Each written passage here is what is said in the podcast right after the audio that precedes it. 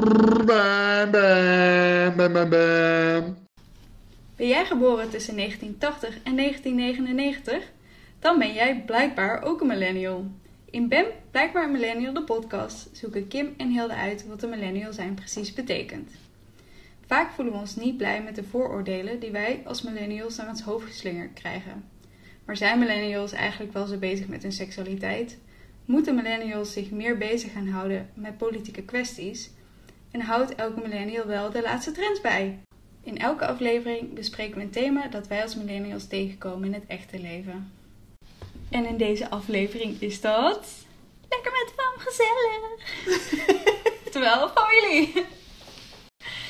We hebben natuurlijk net uh, alle feestdagen erop zitten en veel, nou misschien wel, misschien niet, veel tijd met familie doorgebracht. Ik in ieder geval meer, ik heb ze meer gezien uh, online of in het echt dan dat ik ze normaal zou zien.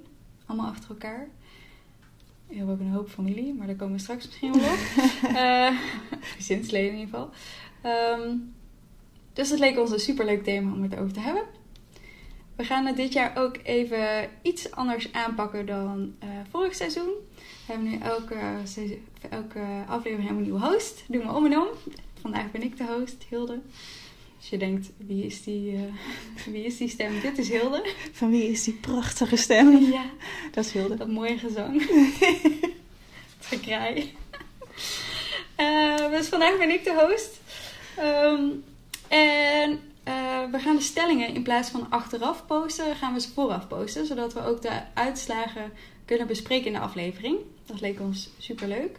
Uh, deze stellingen kun je op reageren uh, op Instagram. En blijkbaar Millennial de podcast. Volg ons ook. Zouden we super leuk vinden. En reageer.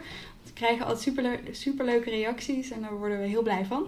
uh, en daarom zijn we ook extra benieuwd om het in de volgende aflevering te kunnen spreken. hebben we nu ook gedaan.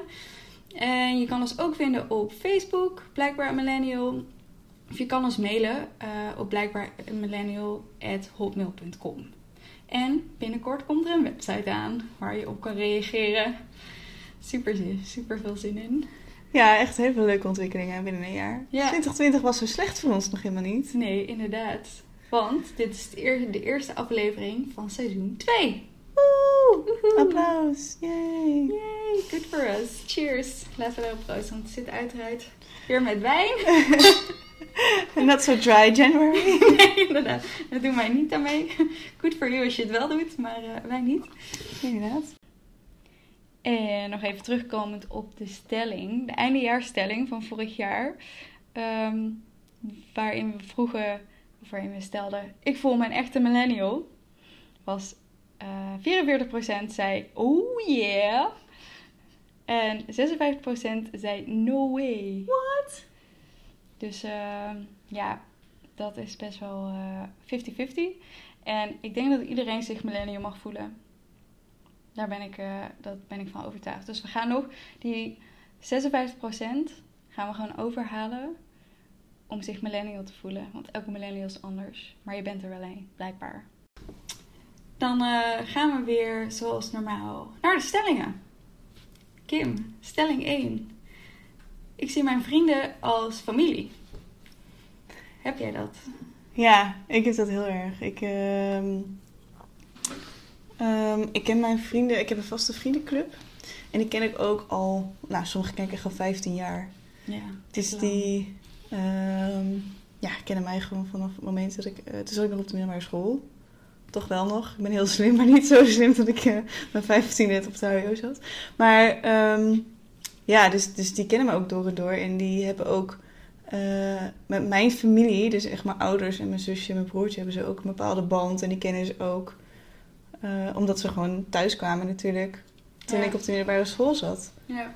Dus uh, die mensen zie ik inderdaad wel echt als familie ik heb ook wel momenten gehad dat ik echt naar ze keek dat ik dacht van, oh, jullie zijn echt gek, maar jullie horen wel gewoon bij mij.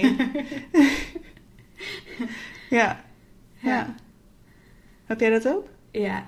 Ja, ik heb dat zeker. Ik heb niet zo'n, uh, want ik ken jullie vriendengroep redelijk goed, omdat, ik weet niet of dit bekend is, maar ik ben met Janiek. En jij met Janiek? Ik ben met Dit heb je ja. mij nog nooit verteld. Nee, sowieso niet. Praat je ook nooit over? Nee, Nee. sowieso niet. Snackie.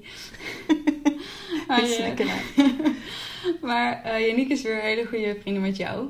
Mhm. Dus zo zijn Kim en ik eh, vrienden geworden. En ben ik ten podcast gevraagd. En eh, zij- doen we nu samen deze podcast, wat ik echt super leuk vind. Maar jullie hebben best wel een hechte. Of hecht, ja, misschien niet per se super hecht, maar jullie kennen elkaar heel goed en al echt heel lang. Ja. Steeds denk ik echt, wow, ik heb echt niet zo'n grote, vaste, hechte vriendengroep, zeg maar, zoals jullie. eh, ja, en we hebben ook wel van die, ehm, van die onuitgesproken tradities, zeg maar. ja. Ze hebben een, eh, een tripje in de zomer. Dat is ondertussen echt wel... Hoe lang doen we dat al? Ik denk toch wel een jaar of zeven. Ja. Dat het toch al gebeurt. Dat iedereen weet, oh in de zomer is er wel een tripje. Niet altijd gaat iedereen mee, maar... Iedereen weet wel dat er mensen gaan. Ja. En eh, carnaval is ook zo'n ding. Dan, Ja. dan is iedereen terug. Dit jaar even niet, maar laten we het daar vooral even niet over hebben. Huilen. Maar dan is iedereen terug in, in, in Maastricht en dan zie je elkaar gewoon weer. En ik denk dat dat een van de leukere dingen eh, aan carnaval voor ons is. En misschien dat we het vorig jaar ook al tijdens de partypodcast hebben besproken. Maar dat maakt dat feest in ieder geval heel erg leuk. Omdat het een Ja. soort onderlinge traditie is wanneer je al je vrienden, dus je familie, ehm, weer ziet. Ja. Ja, en dat, dat vind ik wel echt... Ja, dat heb ik zelf ook wel met carnaval hoor. En dat ik heel veel familie of heel veel mensen zie eh, die ik normaal niet zie. Of bijna nooit. En dat je dan denkt, ja, ik, ben, ik ken hier iedereen. Super fijn. Maar zo'n grote, zo'n grote vaste vriendengroep voor zo lang, dat, dat heb ik niet. Ik heb wel twee vriendinnen van de middelbare school. Die zie ik eigenlijk ook best wel als familie. Het zijn Mhm. gewoon twee meiden die ik... Eentje ken ik nu al 13 jaar, kwam ik laatst achter. De helft van mijn leven ken ik er. ja, dat is echt een heftige bewustwording Als dan. je bedenkt dat je denkt, wow. Ehm, en ja, die andere ken ik dan nou, drie jaar later eh, zijn vrienden geworden. Maar die, ja, dat hoef je ook niet eens iets te zeggen. Je- je- aan elkaars blik zie je eigenlijk al wat er is. Als je iemand bent, voel je je meteen comfortabel. Voor mij is het ook vrienden, zeg maar, die ik als familie zie. Daar ben ik thuis ook heel relaxed. Dus daar trek ik makkelijk even mijn schoenen uit. En daar pak ik zelf mijn eten of drinken als ik daar zin in heb. Ja, Zo, ja precies. en daar vind ik het ook niet erg om te blijven slapen, bijvoorbeeld. Dat, dat is, zo zie ik vaak eh, vrienden die je als Ja. familie voelt, zeg maar. Ja, dat is wel, dat is inderdaad dan de diepere vraag van wanneer voelt iets als, alsof het familie is. Ja, Ja. ik weet eigenlijk niet hoe ik daarop moet antwoorden. Goeie vraag, Kim. goeie vraag voor jezelf. Nee, ja, net als in een, in een familie zijn er altijd mensen waar je het wel heel goed mee kan vinden en ook minder. Dus, Ja. dus, maar eh, ook dat je... Nou, mijn zusje, dat heb ik jou nog helemaal niet verteld. Maar we hadden... Dus kerst nou nieuw ben ik bij mijn ouders geweest. Eh, mijn zusje woont thuis, dus die was, was er ook. En die had een dronken momentje. En ik heb het helaas niet kunnen opnemen. En die zei, ze zei echt tegen me van... Ja, jij bent zo'n beste vriendin die ik nooit meer kon kwijtraken. Want je bent ook mijn zus. en ja, dus ik raak je nooit kwijt, want je bent familie. Dus ik raak je niet kwijt. En ik denk dat dat een onderdeel daarvan is. Dus dat je eh, weet dat familie, dat, dat, dat is... Dat is zo, eh, ja, hecht is misschien wel de juiste, op, de, de juiste bewoording. Maar gewoon dat je weet van, ik kan gewoon mezelf zijn. Ik kan slechte momenten hebben. En dan weet ik gewoon, jij bent er voor me. En ik hoef me niet te schamen voor, ja, voor dingen die ik heb gedaan. Of dingen die ik voel. Of whatever. Ja. ja, ik denk dat daar wel inderdaad een hele goede essentie in zit. Ja, En voor, voor mij is het ook wel echt eh, vertrouwdheid. Ja Het is precies. een soort van- vertrouwdheid dat je ook we- inderdaad weet wie je voor je hebt en wat je er, ja, ik weet niet, een soort, soort thuisgevoel of zo. Ja, ja en dan, dan zijn er wel vrienden waarvan ik denk, die... eh, de ene bel ik sneller als ik ergens mee zit. Als ik echt even hulp nodig heb, bel ik sommigen wat sneller dan anderen. Ja, Maar ik weet wel dat... eh, ik heb dat bij mijn, mijn broertje bijvoorbeeld ook. We zijn niet heel erg hecht. ja, Maar op het moment dat, ik, eh, dat het uitging met mijn vriend waarmee ik samen woonde, eh, zei hij meteen: Als het moet, dan komt ze maar gewoon met mij. En dan was ik heel geëmotioneerd, omdat Ja. ik dacht: Oh, dat had ik van hem echt niet zo verwacht. Omdat Ja. ja, die band Ik bedoel, ik weet wel dat hij er altijd voor me zou zijn, maar dat hij dat echt zo zei. Ja. Oh. Dat was wel echt, ehm, ja, gewoon een soort eye-opener. Ik dacht, oh, oké, het is ook echt zo. Ja. En dat heb ik ook al met mijn broertje, inderdaad. Ik zo, zo, ook een soort gevoel van vertrouwdheid en ook weten dat je altijd voor elkaar bent. Kijk, je hoeft elkaar niet eh, altijd te spreken en we spreken elkaar ook niet extreem vaak, maar een soort liefde en een soort van, eh, ja, ook vertrouwdheid erin. Ja. ja, dat is toch wel belangrijk. Ja, en ik heb ook wel vri- vrienden ook eh, buiten, zeg maar, die oude vrienden van de middelbare school, van de studie ken ik er best wel. Of we hebben een groep en dan spreken de een vaker dan de ander. Mhm.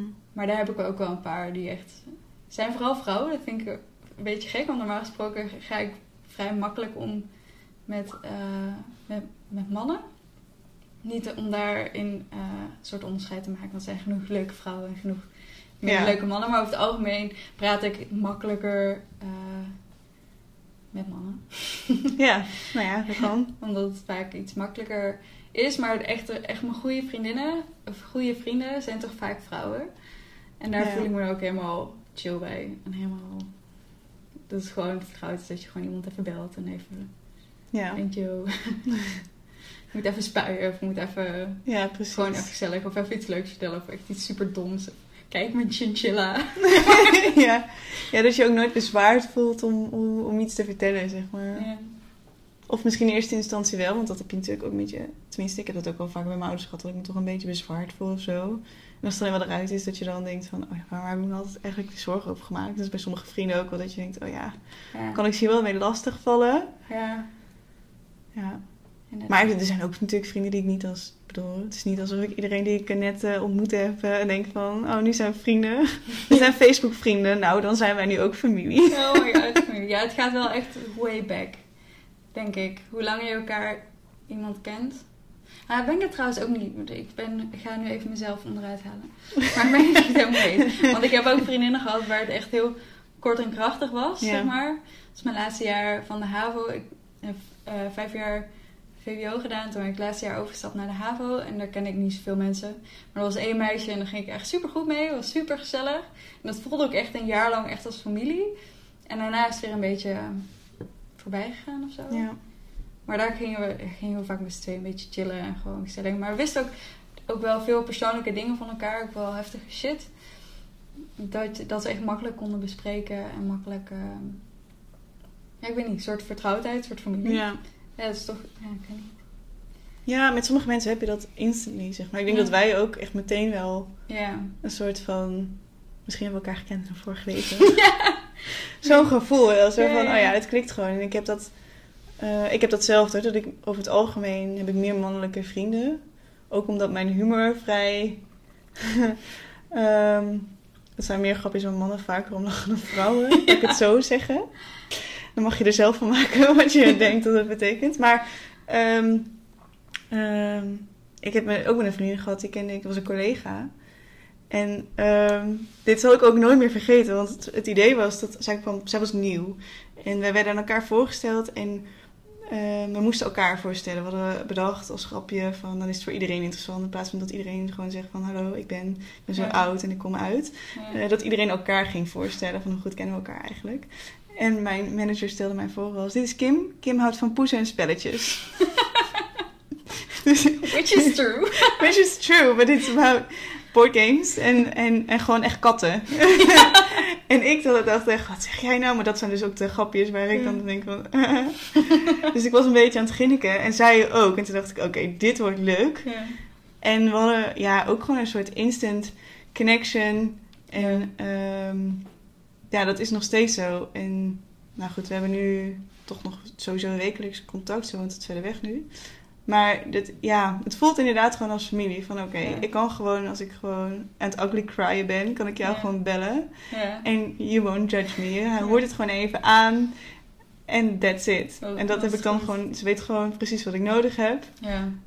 Dus soms heb je dat inderdaad instant. Maar Ja. Ja, en wat, wat je net zei, dat van ons, dat was ook echt zo instant. Ja, ik kwam er de eerste keer, tenminste ik weet wel de eerste keer, want het was met Oud en Nieuw eh Oh, dat was met 2019. oud en nieuw. Maar toen heb ik echt vijf seconden gezien eh, op de dansvloer. En toen kwam dat liedje van Kus. Ehm, oh, de broertje van mijn beste Oh ja, vriendin. ja, ja. En toen gingen we helemaal los. Toen dacht ik, oké, zij is wel leuk. zij is wel leuk voor, eh, voor Yannick. En daarna was je op mijn housewarming, denk ik. Ja, dat En is dat, ging ook, dat was echt heel chaotisch. Overal mensen die aan het huilen waren. Super Ja, was dramatisch. echt- En jij was gewoon aan het dansen. I don't know anybody here. was ook, een fles drank in mijn hand. Ik dacht, jee, party met mezelf. En zo af en toe kwam er iemand met me dansen. Ik dacht, nice. Ja, precies. En toen was dacht ik, oh, het is zo... Ik weet niet, dat voelde ook gewoon meteen inderdaad Ja. goed. Ja. Dat is leuk. Maar dan ben ik wel benieuwd wat eh, onze BAM-stemmers hebben, hebben gestemd. Goeie vraag. Ja. Dus op de stelling, eh, ik zie mijn familie, of mijn vrienden als familie, eh, heeft sowieso, dus ja, heeft 70% gezegd en 30% nee. Ik vind dat best wel, nou, niet per se opvallend, maar toch echt wel dat een hoop ja, millennials en BAM-luisteraars toch wel hun familie, of als, zeg ik het weer, hun vrienden als familie zien. En andersom, zie je, heb jij familie die je als vrienden ziet? Ehm, eh, misschien mijn moeder wel een beetje. Als vriendin. Ja. Mijn pa ook wel een beetje. Als vriendin? Als vriendin, ja. Sorry. Ja, dat is wel een soort ver, vertrouwdheid. Maar ik heb dat nooit met neven of nichten gehad. Eigenlijk. Ik heb eh, ook wel een beetje met mijn zusje. Die zie ik ook wel... Ja, daar ben je toch mee opgegroeid. En zeg maar, als meisjes zijn, dan weet je toch ook een beetje van elkaar wat je doormaakt in bepaalde periodes. En Ja. wat je, nou ja, goed, waar je interesse liggen. En een soort makkelijkheid dat je, ik moet altijd lachen, de, ge- geef iets voor de verjaardag en zegt ze, oh, dat is echt vet leuk, weet je wat ik leuk vind? Ik ja, ik ben ook zo oud geweest. Misschien Ja. wel eh, 10, 12 jaar verschil tussen, maar ik weet wel wat je leuk vindt. Ah. Dus dat is wel, eh, maar niet, ja, je ziet best wel vaak ook mensen die best wel hechte familie, eh, zeg maar ook met neven en nichten en zo, dat heb ik niet echt. Nee. En jij? Ehm, nou, ik heb wel hetzelfde als wat ik net zei. Dus mijn zusje, daar, daar praat ik ook heel veel mee. Dus die zie ik echt wel als een, als een goede vriendin. Eh, mijn moeder ook wel. Steeds meer. Dus ik heb... ehm, ik merk wel hoe ouder ik word, hoe makkelijker het wordt om met mijn moeder als vriendinnen te praten, zeg maar. Ja, dat heb ik ook wel. Eh, ik weet nog dat ik vertel dat ik. ehm, ik weet niet of we dat ooit gedeeld hebben, maar ik ehm, heb een huis gekocht met mijn ex en toen. eh, een paar maanden later heb ik besloten dat ik eh, de relatie zat was. Of ja, dat klinkt heel heftig, maar in ieder geval dat ik het niet meer voelde en dat ik, van, eh, ja, dat ik het niet meer wilde. Eh, maar dat was toch een soort shaming omdat we net een huis hadden gekocht. En eh, dat is best wel een gedoe. En ik wist niet zo goed. Mijn vrienden hadden ook allemaal geen huis gekocht. En iedereen vond hem natuurlijk super leuk en zo. En ik wist niet zo goed bij wie ik terecht moest met dit verhaal. En mijn moeder is ook ooit gescheiden. En toen ehm, zei ik van, kunnen we, kunnen we vandaag naar het graf van mijn broer? Ik heb een broer gehad, die is overleden. En daar was ik al jaren niet meer geweest. Dus ik had haar gevraagd, van, kunnen we daar samen naartoe? Toen dacht ze, oh ja, dat vind ik eigenlijk wel mooi om samen te doen. Dat hebben we inderdaad al lang niet meer gedaan. En toen zaten we in de auto en toen dacht ik, ik ga het gewoon zeggen en kijken hoe ze reageert. Ik was super zenuwachtig. en dat was uiteindelijk een heel fijn gesprek waar ze dus eh, ook dingen heeft gedeeld hoe zij zich heeft gevoeld tijdens de scheiding, die ze me natuurlijk nooit verteld heeft. Omdat ik, ja, dat doe je vaak niet omdat je een kind niet een bepaalde kant op wil sturen ook. Ja. Plus dat ze het niet begrijpen omdat ze te jong zijn Ja. vaak. Ehm, maar ik denk dat, dat dat gesprek onze band zo, zo enorm heeft versterkt. ja, fijn. Gewoon door, door even gewoon vulnerable te zijn en, en, en Ja. ja, ja, gewoon even over je gevoelens praten. Ja. En ze daardoor ook wat te normaliseren, zeg maar. Normaliseren. ja. Sowieso woorden aan te kunnen geven. Ja, dus dat heb ik met het gezin wel heel erg. En, of tenminste met, met de vrouwen in het gezin dus, inderdaad. En eh, mijn nichtje, daar heb ik ook wel een hele goede band mee. Die ehm, toen zij 15, 16 was, toen mocht je nog drinken toen je 16 was. toen ging ze ook met mij en die vaste vriendenclub dus mee op stap. Ja. En zij hoort nu ook wel nog steeds bij die groep. Dus dat zijn ook haar vrienden. ja. Dus dat, dat is ook heel bijzonder. Inderdaad. Ehm, dus daar heb ik ook wel een hele goede band mee. En er zijn ook wel... Ik heb best wel een hele grote familie. ja. Maar eh, er zijn er weinig van die ik inderdaad echt zou bellen als er iets mis is. Terwijl toen ik, ik heb ook een burn-out, al, al, al mijn problemen even op tafel. En toen dacht ik wel ook, oké, nou dit, bij familie voelt het zo prettig dat dat toen... Toen had ik dat heel erg nodig. En toen heb ik ook heel veel met familie gepraat. Ja, Meer met familie dan met vrienden. ja. Dat, toen voelde dat echt als alles wat ik nodig had. Het is ook een bepaalde afstand die je eh, als familie hebt, zeg maar. Tenminste, dat, eh, dat zij zitten niet helemaal in jouw persoonlijke leven. Ja, Dus misschien voor jou is voor iemand anders misschien anders. Ja. Maar ehm, ja. Want jouw gezinssituatie, dat is heel grappig. Want jij bent een van de enigen bij wie de gezinssituatie nou, niet helemaal gelijk, maar een beetje lijkt op wat, wat ik heb. ja. Want dat is ook altijd als ik het vertel, ehm, ik, ver, ik altijd een beetje zo tussen neus en lippen door mijn broertje of mijn zusje of mijn eh, nog broertje of uh, stiefzus of mijn stiefbroer of mijn stiefpa. En dan kijken mensen kijken me dan altijd aan van hoe zit dat nou eigenlijk? mijn ouders zijn dus ook gescheiden. en mijn pa heeft weer een nieuwe vrouw, Magda. Stiefma. En zij hebben weer twee kinderen. Dus ik heb een eh halfbroertje en een halfzusje. Wat voor mij heel erg voelt ook als mijn eh, echte broertje of zusje. Ik noem Ja. dat ook nooit mijn halfbroertje of mijn halfzusje. Nee, dat is gewoon de, de technische term, zeg Ja, maar. Maar precies. verder, eh, Dat was ook laatst, was eh, eh, de jongste die was hier slapen. En die zei ook, ja, je bent wel mijn halfzus, maar je bent wel echt mijn zus. ja. Ja. voelt als een hele zus zo. Ja. Oh, Oh. sorry. En dan heb je mijn moeder, die heeft weer een man. Weer, die heeft een man. En die heeft zelf twee kinderen. Dus dat zijn mijn stiefbroer en mijn stiefzus. Met eh, wie ik vooral met mijn stiefzus best wel een goede band heb. Dus dat voelt, dat voelt voor mij ergens als een vriendin. Het is semi-familie, maar het is wel echt een vriendin van me. Dus dat is, Ja. eh, dat is mijn situatie. Oké, het klinkt wel veel heel anders. nou ja, bedoel, mijn zusje, mijn halfzusje is dus eh, nu 14. Ik ben 26. Ja. En eh, ik heb ook nog een echt broertje. Oh, die ben ik helemaal vergeten, sorry. ik heb dus ook nog een echt broertje. en die is ongeveer net zo oud als jouw eh, broertje. Toch? Ja, ja, volgens mij wel. Dus inderdaad, eh, qua leeftijden zitten onze broertjes en onze zusjes inderdaad dan op, de, ja, op dezelfde leeftijd. Ja. En mijn zusje is inderdaad gezien ook mijn halfzusje. Maar bij mij is het net iets anders omdat ehm, mijn moeder hertrouwd is inderdaad. En ik, dat is de enige vader die ik spreek. Dus dat is ook gewoon mijn vader. ja, is niet mijn bloedvader, maar het is wel mijn vader. dat is wel Eh, anders dan bij mij inderdaad. Ja.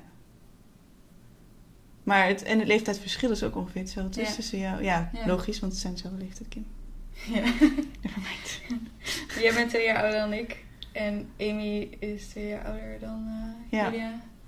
Ja, het was wel grappig. We waren met kerst er grapjes over het maken. Want bij ons, ehm, dit is zo'n traditie die er ook per ongeluk ingerold is. Hm. Eh, mijn oma is de jongste van haar zussen. Mhm. En tussen haar en haar oudste zus is 12 jaar leeftijdsverschil. Mijn moeder is de jongste. En tussen haar en haar oudste zus zit ook 12 jaar Oh, echt? leeftijdsverschil. Oh, wow. Amy is ook de jongste. Tussen haar en mij zit ook 12 jaar leeftijdsverschil. Dus ik zeg tegen haar...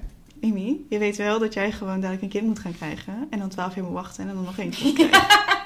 En ze zei, waarom ik? Ik zeg, omdat jij de jongste bent. Ja, maar jij bent er ook. Ik zeg, maar ik ben niet de jongste. Dit, dit moet jij doen. Inderdaad. Dit is wat jij moet dragen voor deze familie. Inderdaad. Familietraditie. Ze werd echt helemaal wit. Nee, nee, ik wil niet zwanger worden. Ik zei, nou, als je niet even snel doet.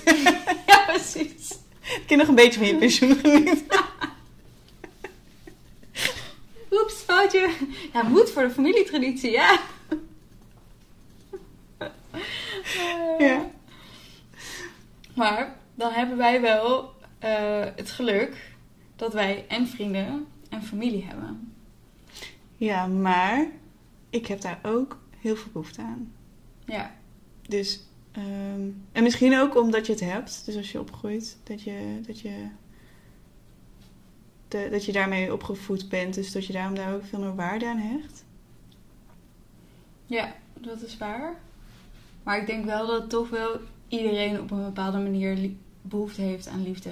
En eh, een soort van... eh, Ja, dat denk ik ook wel. Want eh, ik heb een, we hebben een onderzoek van YouGov. Dat wordt, is bij Flair eh, ge, is een artikel over geschreven. En er staat in dat 25% van de millennials ehm, uit het onderzoek bleek dat zij geen enkele vriend of vriendin hebben. Dus ook niet, zeg maar, in relatie. keer. 25% van de millennials uit het onderzoek gaf aan dat ze geen enkele vriend of vriendin 25 procent. dat is echt heel veel. Daarom wordt ook wel gezegd dat eh, millennials wel een van de eenzaamste generaties is. Ja. Ik vond dat best wel pittig. Ja, ik Dat ook. ik Ik dacht, val er eh, ook een beetje stil van. ja. Ja. ja. Want ik zou mezelf dat niet- voor kunnen stellen. En ik denk dat het ook niet altijd makkelijk is om vrienden te maken. Ik merk het nu ook wel. eh, ik woon dan samen in Amsterdam en ik ken op zich. Ik heb heel veel vrienden en fa- familie en gezin om me heen. Dus ik voel me niet eenzaam. Maar ik heb hier in de stad weinig mensen ehm, met wie ik echt een vriendschap heb opgebouwd. En dat kan nog komen, dat weet ik. ja. Corona maakt het ook een beetje lastig om dat op te pakken. Maar ehm, ik heb, wat ik zeg, ik heb heel veel vrienden en familie om me heen. Maar ik kan me voorstellen dat het, dat dat soms heel moeilijk is. En als je sowieso daar al moeite mee hebt.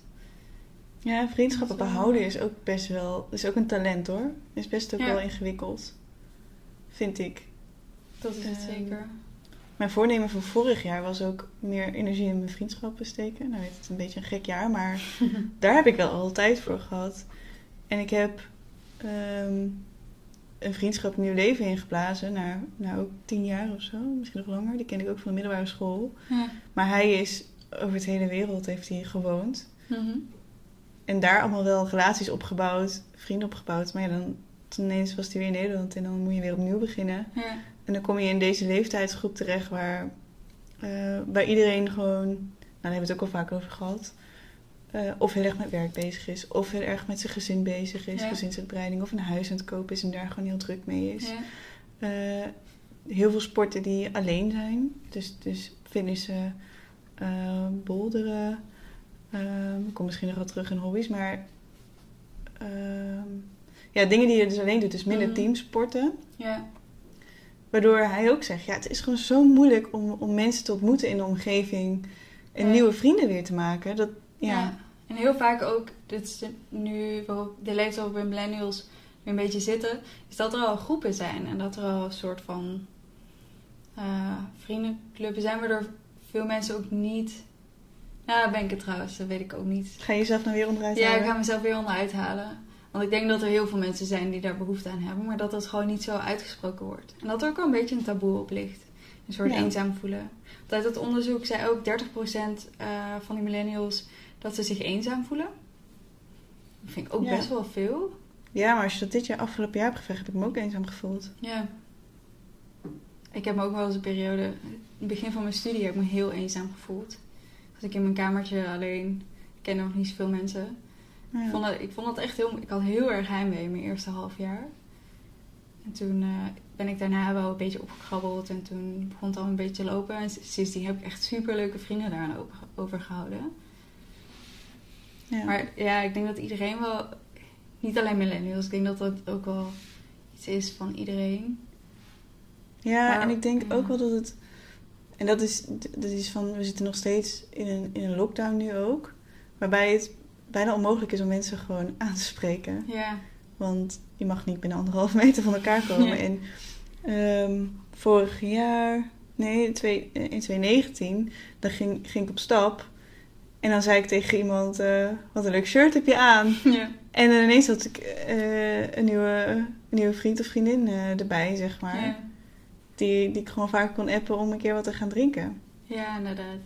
Dus dat maakt de huidige, tenminste tijdens de opname zitten januari 2021. Ja, Dan, dan maakt het nu heel moeilijk om nieuwe mensen te leren kennen. Want iedereen Zeker. houdt zijn afstand. ja. En terecht. En het is sowieso iets van deze generatie, denk ik. Steeds meer gaat via het internet. Ja, dus het is ook makkelijker ook om je oude vrienden te onder, onderhouden. Dat wel. Dus het is eh, makkelijker inderdaad om, om contacten te onderhouden vanuit je, vanuit je verleden, om maar even zo Mhm. te zeggen. Maar het is nog moeilijker om nieuwe mensen te leren kennen. Ja. Heb jij collega's die je... Nee, je had eens verteld dat je natuurlijk niet zo heel veel eh, collega's hebt. Ja, nu niet, maar ik heb, wel, ik heb heel lang bij de uh, Dylan Camille gewerkt. En daar heb ik wel echt een paar hele goede vriendschappen aan overgehouden. Echt meiden die, ik heb toevallig laatst, uh, net voor de lockdown, een hele wandeling met ze gemaakt. En die zitten wel echt in mijn hart ook. Dat is, ja, dat is mijn, mijn dille meiden. Dat oh. Ja. Maar dat, dat, zijn wel hele fijne vriendinnen. Dus dat zijn collega's, oud-collega's. Ja. En nu heb ik één collega, dus dat... maar ik heb wel iemand die bij ons op kantoor werkte, die, uh, met wie ik het heel goed kan vinden. Zo'n oudere vrouw. In de 60 is ze nu, denk ik. 50, 60. En dat was ook wel, zag ik, ik zie haar ook wel als vriendin. Ook wel iemand wie ik gewoon heel goed kan vinden. Een bepaald energielevel zo heel erg Ja. En jij? Want je hebt natuurlijk een heel Uh. groot... Ik werk voor een heel groot bedrijf. Ja, ik heb... ehm nou, ik heb wat kennissen nog van een bepaalde... Tenminste, ik ken heel veel mensen. Dat is één, zeg maar. Maar goed, dat zijn gewoon collega's, benoem ik ze dan. Mhm. Er zijn een paar mensen die ik privé ook nog wel app om te vragen hoe het gewoon met ze gaat. En niet alleen maar over werk. Ja. Uh, dat is meestal van één winkel waar ik uh, dan heb gewerkt. Dan heb ik een paar echt vrienden, dus die ik regelmatig spreek. Uh, en dat was eigenlijk ook vanuit de winkel, omdat je dan een hele echte band hebt, maar ook van hoofdkantoor wel een paar. En er zijn een paar waar ik nu heel close mee ben, maar waar ik niet van weet. Zo heb ik ook heel veel collega's gehad waar ik nu heel erg close mee ben. En dan, dat je dan denkt, oké, okay, maar als, ik, als we allemaal over vijf jaar ergens anders zijn en niet meer ja. uh, hetzelfde werk doen of in hetzelfde werkveld zitten. Ja. Uh, ja, worden ze natuurlijk heel boos als ze dit horen. Maar dan weet ik niet per se of dat stand houdt. Terwijl ik nu, nu zitten ze heel dicht bij mijn hart. En nu denk ik gewoon van, oh, alles wat ze me vertellen over familie, vrienden of wat ze doormaken, dat, ja. dat, dat, dat, dat, dat doet mij echt wel wat. Dat is misschien een beetje hetzelfde als die vriendin van mij van de middelbare school. Dat is dat voor een tijdje gewoon heel erg, ook omdat je een beetje in dezelfde situatie zit en elkaar ja. gewoon veel ook dagelijks ziet en spreekt. Maar dat dat dan hoeft niet per se slecht te zijn dat dat dan een beetje verwatert. Ja, precies. Dat is ook niet. En op, een moment, op dit moment is het gewoon heel fijn en ja. heel vertrouwd. Ja. Um, maar ja, het zou zomaar kunnen dat over vijf jaar als allemaal ergens anders zijn. Dat, dat... En als ik ze dan weer tegenkom, zal het heus wel weer... Ik weet niet of jij dat nu zou hebben met die vriendin van jou van de middelbare school. Dat je dan denkt van, nou, ik denk dat we dan wel weer uh, heel close even kunnen zijn, zeg maar. Dat we wel Ja. meteen elkaar weer vinden. Ik denk het wel, want op een bepaalde manier match je toch... Je wordt vrienden met iemand met wie je matcht. En dat kan dan ook... Tuurlijk zit je altijd in een bepaalde periode van je leven. En bij iedereen ontwikkelt zich en iedereen... Uh, maar ik denk toch wel bepaalde waarden en normen... En de... komen ze eigenlijk met de tweede stelling op. Mooi bruggetje. Ja, uh, met de waarden en normen. Um, en humor ook bijvoorbeeld, dat je daar heel erg op matcht. En dat dat toch altijd wel een beetje hetzelfde blijft. Zo naar de tweede stelling? Ja. Dat is een goed bruggetje. uh, stelling 2. En ik vond deze wel heel leuk. Ik heb hier wel naar uitgezien ook, om deze te bespreken. uh, ik leef met dezelfde normen en waarden als mijn ouders. En ik was heel benieuwd wat er hierop uh, geantwoord werd door onze bemmers. Ja. Um, 30% daarvan zei ja en 70% daarvan zei nee. Het is echt grappig deze aflevering, het is 70-30. maar dan andersom. Maar 70% nee vind ik best wel veel. Ja. Ja, maar... Um, wat grappig is, toen wij we hadden het over deze stelling en toen dacht ik, ik denk het niet. Ik Nee? denk echt wel dat ik uh, veel meer geef om, um, om uh, ambitieus en vrij, uh, vrijheid hebben en um, bij de wereld intrekken en dat soort dingen. En um, dan mijn ouders, zeg maar. Ik dacht echt dat we daar heel anders in waren. Ja. En dat ik meer uh, naar mijn oma bijvoorbeeld neigde dan naar mijn ouders. Ja? Dat dacht ik wel, ja. ja. Maar dan, um, we hebben van tevoren even nog een waarde, de waarden besproken. Dus we hebben een soort uh, ja, waardeoverzicht gepakt en daar een paar uit gekozen. Tien. Tien, inderdaad. Uh, en daar, ja, als je dan moet kiezen wat je belangrijker vindt, Ja. dan kies je toch voor andere dingen dan je misschien in eerste instantie uh, Ja. zou denken. Ja. Want in principe zijn er heel veel dingen uit die lijst zelf waar ik dacht, Oh, maar dat vind ik eigenlijk allemaal belangrijk. maar je moet dan toch prioriteiten Ja, maken. je kunt ze niet allemaal aanstrepen. zeg maar. Nee. Ja, ik voel me echt heel... Ik, zal ik jou, eh, zal ik jouw waarde, ver, waardenormen, waardetest... Ja, eh, nou, leg het maar bloot. waarden. Vertel maar wat ik belangrijk vind in het leven. eh, creativiteit, familie, humor, liefde, oprechtheid, plezier, respect, traditie, vriendschap en vrijheid. Dat, eh, dat is die bij jou. Daar ken ik ook wel heel veel dingen in. Ook in mezelf. Ja, hetzelfde level mijn van energie, hè? Ja, precies. Eh, en jouw ouders, die hebben hem samen ingevuld, toch? Ja, dus we hebben onze ouders inderdaad ook gevraagd om hetzelfde, Ja. om dezelfde test te doen. Om te kijken ja, of, of het overeenkomt. Ja. Eh, en zij hebben gezegd familie, dus die komt overheen. Liefde, die komt overheen. Overeen, sorry. Vriendschap komt overeen. Kijken, positiviteit. Respect komt overeen. Spontaniteit, die niet. nee, ik ben niet spontaan. Trouw, eh, ook niet. Je bent ook niet trouw. Nee, daar hou ik niet van. Dat is niet waar. Grapje, grapje, grapje. Eh, traditie, die komt er overeen. Humor ook. En vrijheid. Ook. Ja, Dus heel veel. Eigenlijk alles behalve eh, positiviteit, spontaniteit en trouw. ja. Nou ja, dat... eh, ik voel niet dat jij dat dan niet bent, maar dat je iets minder hoog in je prioriteit. Ja. Echt veel. Ik dacht echt, wow. ja, heel veel. Echt bizar. Ja. Echt bizar. Maar ja, goed, we hebben ook wel een goede band. Maar eh, ik had niet verwacht. Ja, ik had echt niet verwacht dat we zo, eh zoveel dezelfde waarden zouden hebben. Ja. Wel echt leuk. Dus blijkbaar wel. Want ik had, ik denk als je mij de vraag had gesteld, heb je dezelfde normen en waarden als als je ouders, dan. Ik, vond, ik moest daar echt over twijfelen, maar ik dacht uiteindelijk, mm, nee, ik denk het niet. Maar is dat omdat jouw leven er anders uitziet dan dat van hun? Ja. Ja, ik dacht dat zij eh, ja, meer waarde zou hechten aan andere dingen dan ik. En zie je jezelf dan... eh, We hebben bijvoorbeeld helemaal niet op financiële nee, of, of zekerheid. Ja. En ik dacht dat zij wel... Kijk, ze hebben wel altijd gemotiveerd om te studeren. Wat niet heeft gewerkt. Eh, gemotiveerd om een vaste baan te hebben. Dus ik had wel iets van vastigheid, stabiliteit. Ja. zoiets verwacht ook. Ja. Ja, grappig. Erg mooi. Ja. Maar zie je jezelf dan ook over, eh, zeg, eh 30, 40 jaar hetzelfde leven hebben als je ouders? Zie je jezelf op dezelfde plek als zij nu zitten?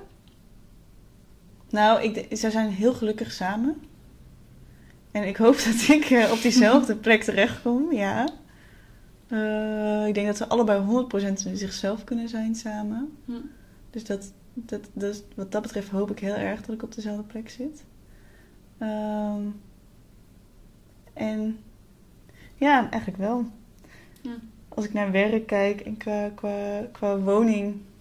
Natuurlijk heb ik nog wel dromen en zo. Dat ik eh, groter, beter. En ze hebben het allemaal voor, goed voor me geregeld. Dus ik moet nog beter dan hun. Want dan doe ik het voor hun. Maar tegelijk denk ik nou... Ik, ja, ik zou het fantastisch vinden als ik dezelfde Ja. eigenlijk. Ja. Ja. Ik ben een hele emotionele. ja. Zo. Nee, ik denk dat ik dat eigenlijk inderdaad wel, eh, wel prima vind. Ja. En als ze deze, deze waarden wat zij hebben gekozen, vind ik gewoon ook heel erg mooi. Ja. Ja, het is ook wel, ook die je hebt gekozen, daar herken ik jou wel heel erg in. Ja, maar als je ze ook zo opleest, dus als ik ze hoor Ja. uit jouw mond, dan denk ik ook...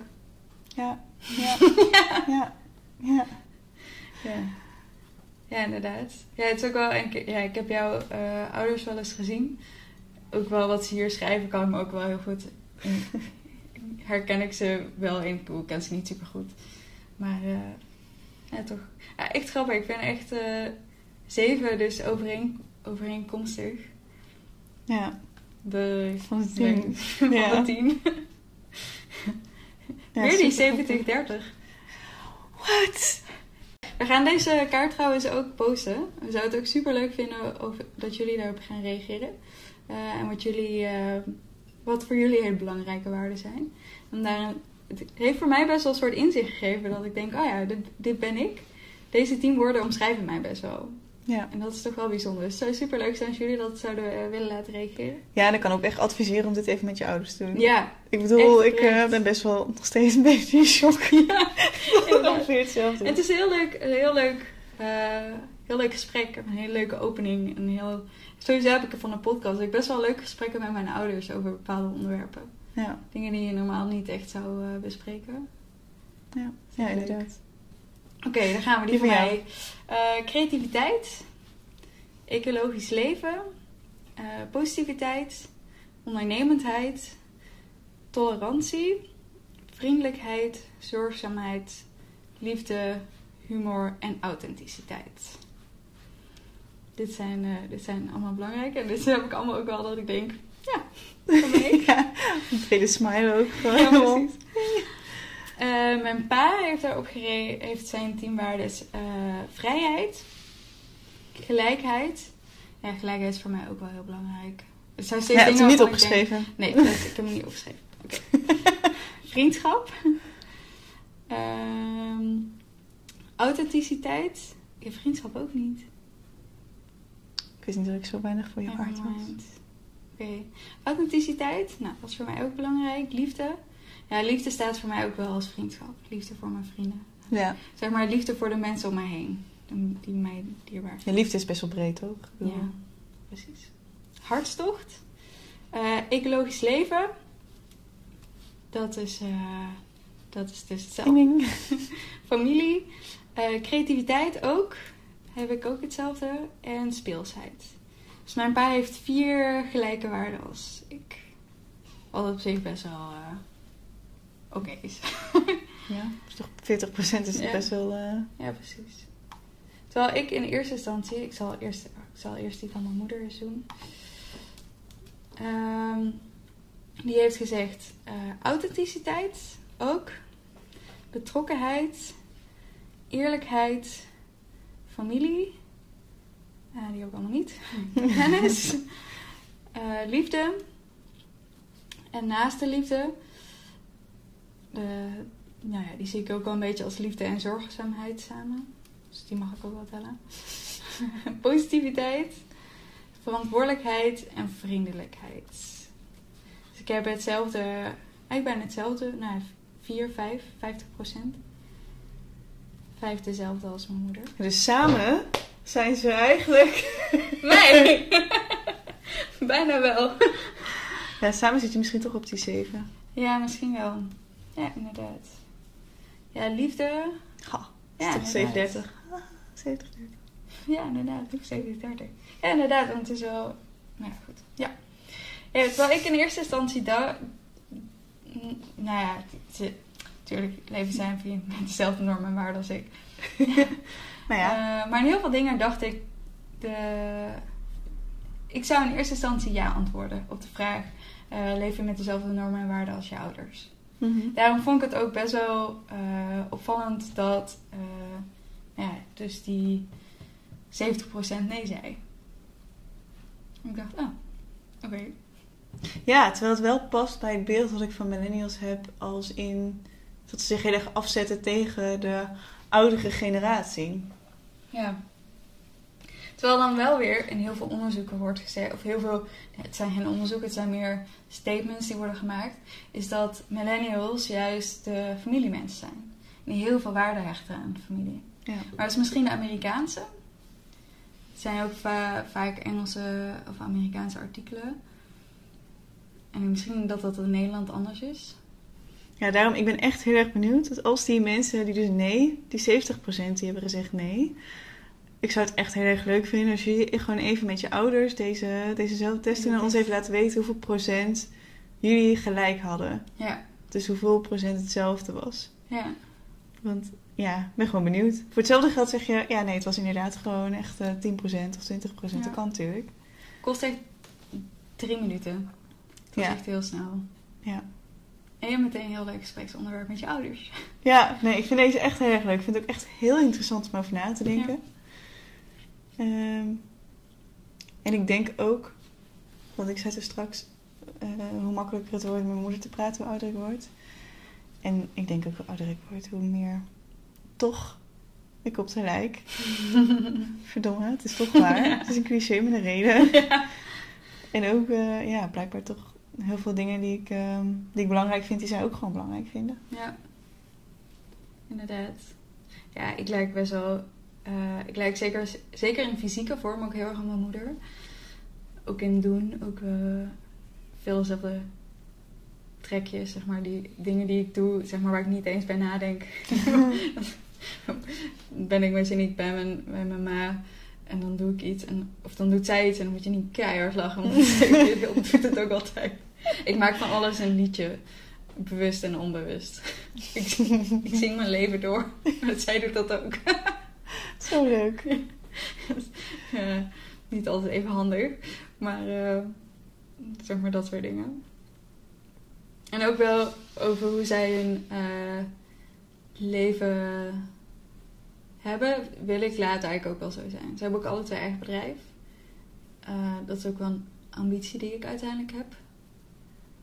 Oh, ik vind het gewoon wel tof. Dat is wel cool. je eigen ding. En toch een soort van dat authenticiteit. Wel, dat vond ik heel opvallend dat alle twee mijn ouders dat hadden. Liefde en authenticiteit. Dat het voor mij ook heel belangrijk is. En Ja. mezelf zijn en eh, onderscheidend ook wel op een bepaalde manier. Ehm, en dan hoef ik niet extreem anders te zijn, maar wel mezelf. En ik val niet eh, onder de mainstream mensen, geloof ik. Dat wil je niet. Nee. Nee, dat wil ik niet. Hoewel ik toch echt wel een millennial ben. Een aantal dingen ben ik achtergekomen. maar ja, ik denk wel... Ik leef uiteindelijk wel een beetje met dezelfde normen en waarden als mijn ouders. Ja. En is dat erg? Nee, Nee.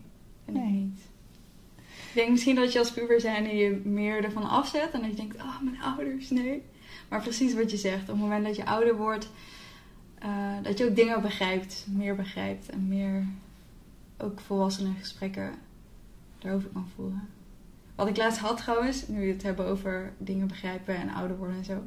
Ik was laatst de Holiday aan het kijken. Tijdens vakantie. Ja, dat is de film? met eh Cameron Diaz. Ja, en Ja. dat ze... eh, dat ze huisruil gaan doen, zeg maar. Mhm. Ik moest echt zo hard lachen. Over Bridget Jones heb ik ook ja, Ik heb echt allemaal romcoms deze vakantie gekeken. Ik had niks te doen en ik vond het heerlijk. En ik heb allemaal alle oude foute films gezien. En ik, ik heb er echt zo van genoten. Ehm, maar dat, eh, dat al die problemen die daar naar voren kwamen... Ik heb deze films echt heel vaak gezien toen ik 15, 16 was. Maar nu ik deze weer kijk, snap ik zoveel meer dingen. Grappig is dat, hè? Ik dacht echt, ik, ik weet niet hoe je je voelt met break-ups en met allemaal mannengezeik Ja. en met allemaal dingen waarvan je denkt, nou, een soort onzekerheid of een bepaalde, dat ze in Bridget Jones, dat ze zich helemaal op gaat maken voor een, voor een soort gala-achtig iets en dat ze zo met een sigaret in de mond, ja, ik rook dan niet, maar dat ze echt zo met haar op haar hoofd de benen aan het harsen was. Ik denk, dit is zo herkenbaar. Ja. Ik had er ook net mijn nagels gelakt. mijn benen geëpileerd. dat ik heb feel you. Ja, dat is wel grappig. Dat vind ik wel ook leuk van ouder worden. Ja, en we hadden het net over, eh, ik ga hem gewoon zeggen, Cobra Kai. ga eens kijken, ga eens kijken. Maar Ik ben nu oprecht fan. ja, er zitten ook jongeren in, hè, dus eh, ehm, Generatie Z. ja. En dat, dat je dan denkt, oh mijn god, wat een drama allemaal op school. Maar dat was ook zo. Ja! dat, En dat vergeet je ook gewoon als je... zo vriendjes van een week, dat dat meteen zo... oh, je hele Ja. leven was. Je gevoelens zijn zo heightened op die leeftijd. Inderdaad. Mijn beste vriend heeft dezelfde kleren hadden we niet afgesproken. Dat vind ik niet meer leuk. Oh my Ze god. doet me na, ze doet me na. Oh, Dit probleem heb ik met gehad. Ik wel. Zo kinderachtig. Echt, eh. Oh. Maar wel van die dingen die zo herkenbaar waren. Ja. zo Maar mijn favoriete film is... Een van mijn favoriete films is Funny Girl. Dat is een musical van Barbara Streisand. Oh, die ken ik ook niet. Nee, nou, ik hou van films die niet zo, eh, niet zo mainstream zijn. ik heb dan niet authenticiteit bij mijn dingen staan. Maar nou, voor mij Funny Girl is wel een, een soort van classic onder de musical fans. Maar ehm, het grappige van die film is, ik heb die op, de, op tv gezien toen ik inderdaad een jaar of 15 was. En toen, het gaat over een meisje wat ehm, ster wil worden. En die volg je dan ehm, door haar leven. Mhm. En het grappige is, iedere keer als ik hem kijk, ben ik vijf à zes jaar ouder. En dan ben ik ook in een andere levensfase. Dus ik keek hem voor de eerste keer toen ik 15 was. En toen kon ik heel erg relaten met de jongere versie. Ja. En hoe later, hoe, hoe meer je kunt Ja. relaten met wat er later gebeurt. En hoe dingen ook opvallen. Dat je denkt, oh, dat bedoelde ze. Oh, nu snap ik pas echt wat er gebeurt. Ja. Omdat ik gewoon nu pas een leeftijd heb bereikt waar ik me dat kan indenken. Ja. We hebben het helemaal niet meer over familie. We hebben het weer films. Ja. Cobra Kai, eh, familie. Eh, Mr. Miyagi was familie voor Daniel. Inderdaad. Vrienden, familie, ja, je. En ik weet nu ook wat je bedoelt, dat vind ik wel heel fijn. Oh ja, dat is wel fijn dat mijn referenties vergeten worden. Ja. Had ik maar Mr. Miyagi gehad. Ja. Maar volwassen worden. Ja, ik heb... We, ja, ik vind het... Mr. Miyagi. Ik weet niet. Het is toch... eh, ik vind het wel leuk. Ik heb daar... We reageren op, met, eh, op een, ook een aantal andere stellingen met eh, blijkbaar millennial. En daarin werd gesteld dat volwassen worden heel zwaar is. En dat eh, millennials volwassen worden heel moeilijk vinden. En hadden we op gereageerd van, goh, maar volwassen worden is ook leuk. Het is niet alleen negatief. En ik denk dat het ook iets is voor elke generatie dat er wel moeilijk iets in zit. Ja, Dat, ja, volwassen worden is ook... iedere leeftijd is kut op zijn eigen manier. Ja. Sorry, het kwam er heel erg terug uit. Maar dat is, het is wel Ja. gewoon zo. Iedere leeftijd heeft zijn eigen dingen. En ik weet dat mensen het altijd zeggen over hun kinderen. Van iedere leeftijd heeft zijn dingetjes. Ja, Dus als ze baby zijn, dat ze dat niet zo kunnen. En als ze peuter zijn, dan, dan slopen ze de boel. ja. Nou ja, zo ervaar je dat natuurlijk ook gewoon in je eigen leven. Iedere leeftijd heeft zijn Ja. voor- en zijn nadelen. En die leeftijden groeien natuurlijk mee met de generaties. En elke generatie loopt weer tegen zijn eigen maatschappelijke dingen aan. Ja. Maar het is nooit makkelijk. Maar ook leuk, zeg maar even volwassen worden, echt wel leuk. Dat ik gewoon mijn eigen ding kan doen en mijn eigen Zeker. huis en mijn, met mijn eigen normen en waarden leven. Hoewel die wel dus hetzelfde die van Stiekem toch hetzelfde zijn. Ja.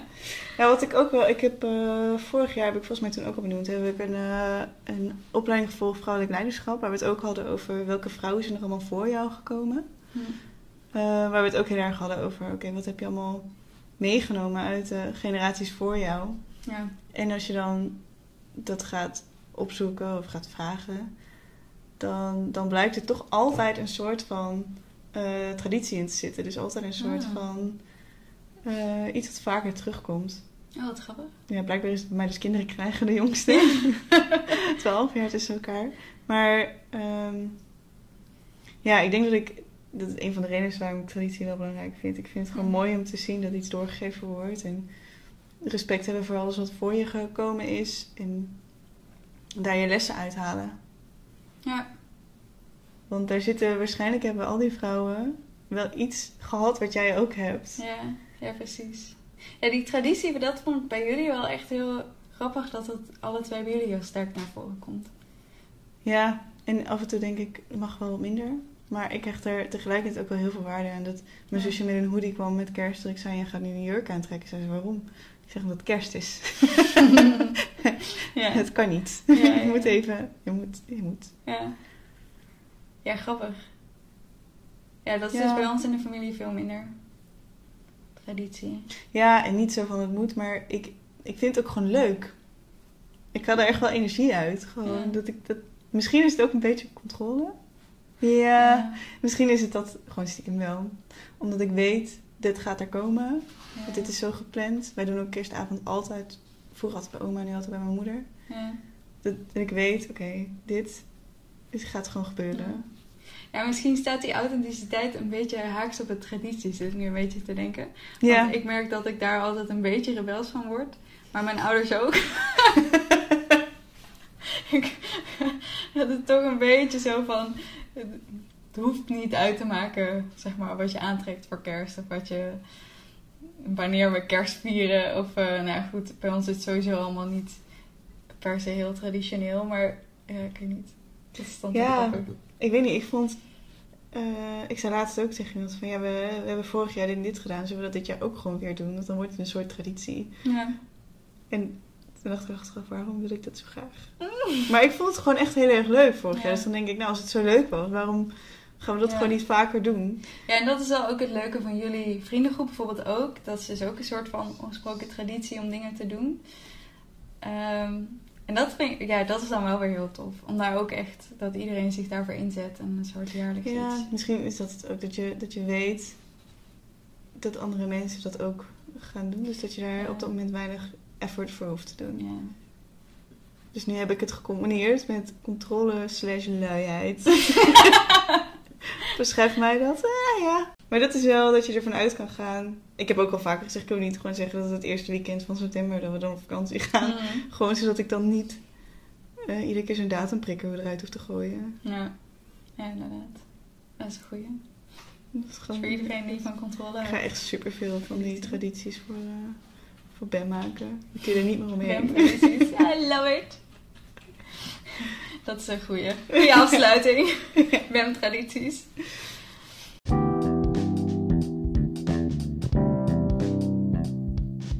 Dus, ehm lieve Bammers. Ik denk dat dit hem weer was. Ik denk het ook. We gaan het volgende... Volgende keer gaan we het hebben over politiek. Wat ik zelf heel interessant vind. Want ik heb bij de jongere partij van GroenLinks gezeten. Zo fijn dat ik die ga hosten. Want dan kan ik gewoon de stem zijn van iemand die er helemaal niks van af weet. Inderdaad. Inderdaad. Eh, en dat is natuurlijk vanwege de verkiezingen die er in maart in Nederland eh, aankomen, te, aankomen. En misschien ook wel heel interessant vanwege alle dingen die er in Amerika eh, hebben, zijn voorgevallen. Ja, ik wil hier nu zoveel over zeggen, maar ik ga het niet doen. Nee, gaan we niet doen. Moeten we nog een maandje wachten. Ja. Maar ben je ondertussen veranderd van mening over de stellingen die we deze aflevering hebben besproken? Horen we dat natuurlijk graag, dan eh, maakt niet uit. Dan rekenen we gewoon even opnieuw. Inderdaad. Wisselen we je stem. Laat het weten.